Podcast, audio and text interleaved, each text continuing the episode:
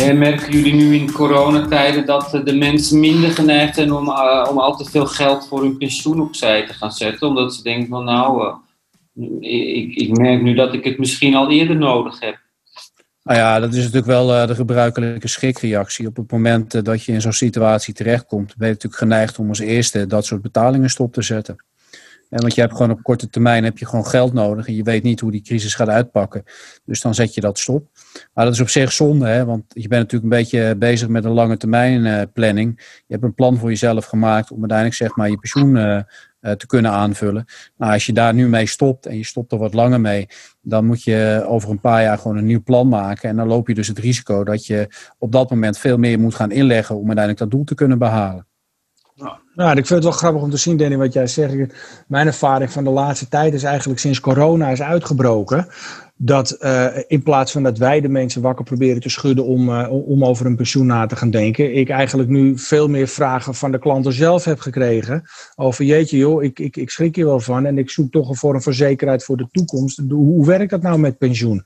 Mensen zijn wel een beetje wakker geschrokken, dus het gesprek eh, begint een andere wending te nemen. Positief wat mij betreft. Ja, ja dat, vind, dat vind ik een ontwikkeling die mij heel erg is opgevallen van het afgelopen jaar. Ja, dat is, uh, het is, het is, er is wel een belangrijke aanvulling. Uh, als je arbeidsongeschikt wordt als, uh, als ondernemer, ZZP'er, dan mag je wel een deel van het kapitaal wat je eigenlijk voor je pensioen wilde gaan gebruiken, dat mag je inzetten als aanvulling op het inkomen dat je geniet op het moment dat je arbeidsongeschikt bent geworden. Dus er zijn wel wat mogelijkheden om dat geld toch eerder te gebruiken. Maar dat kan je dus alleen maar eerder gebruiken op het moment dat je dus daadwerkelijk arbeidsongeschikt wordt. Ja. Nou, jongens, uh, helder allemaal. Zijn we nog wat vergeten over pensioenen? Nou, kijk, ik, ik heb het al een aantal keren aangestipt. Wat ik zelf heel erg belangrijk vind, is dat je als je pensioen gaat opbouwen, dan moet je dat niet alleen doen om belasting te besparen. Uh, je moet dat eigenlijk stoppen in een lange termijn plan. Dus je moet een plan voor jezelf gaan maken. Je moet daar op tijd mee beginnen, want dan valt het ook eigenlijk wel mee wat je in zo'n pensioenplan moet stoppen.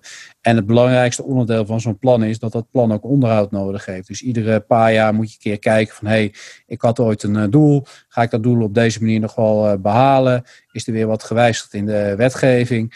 Dus, dus je moet met een gedegen plan moet je gewoon aan de slag. En dan kan je aan de ene kant profiteren van het feit dat je, uh, als je heel veel winst geniet, dat je minder belasting hoeft te betalen. Maar aan de andere kant zorg je er dan ook voor dat als je met pensioen gaat, dat je voldoende inkomen hebt. En dat je al die leuke dingen kan gaan doen die je wil gaan doen op het moment dat je niet meer uh, uh, aan het ZZP'en bent.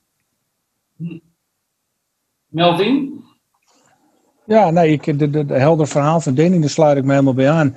En wat ik de meeste mensen wil meegeven is, als, als je nou angstig bent voor dit soort producten, uh, begin er gewoon aan.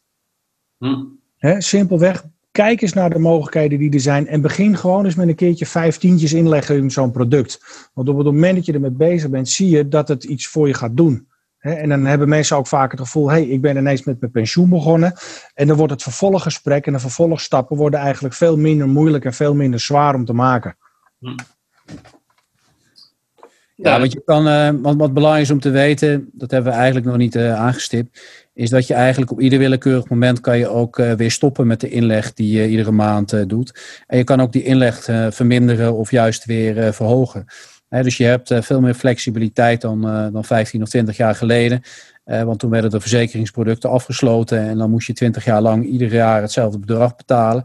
Nou, de huidige producten die er zijn, die zijn een stuk flexibel. En die geven je dus ook de ruimte om, waar dat nodig is, om dat aan te passen. Of gewoon even tijdelijk helemaal stoppen met, met inleg.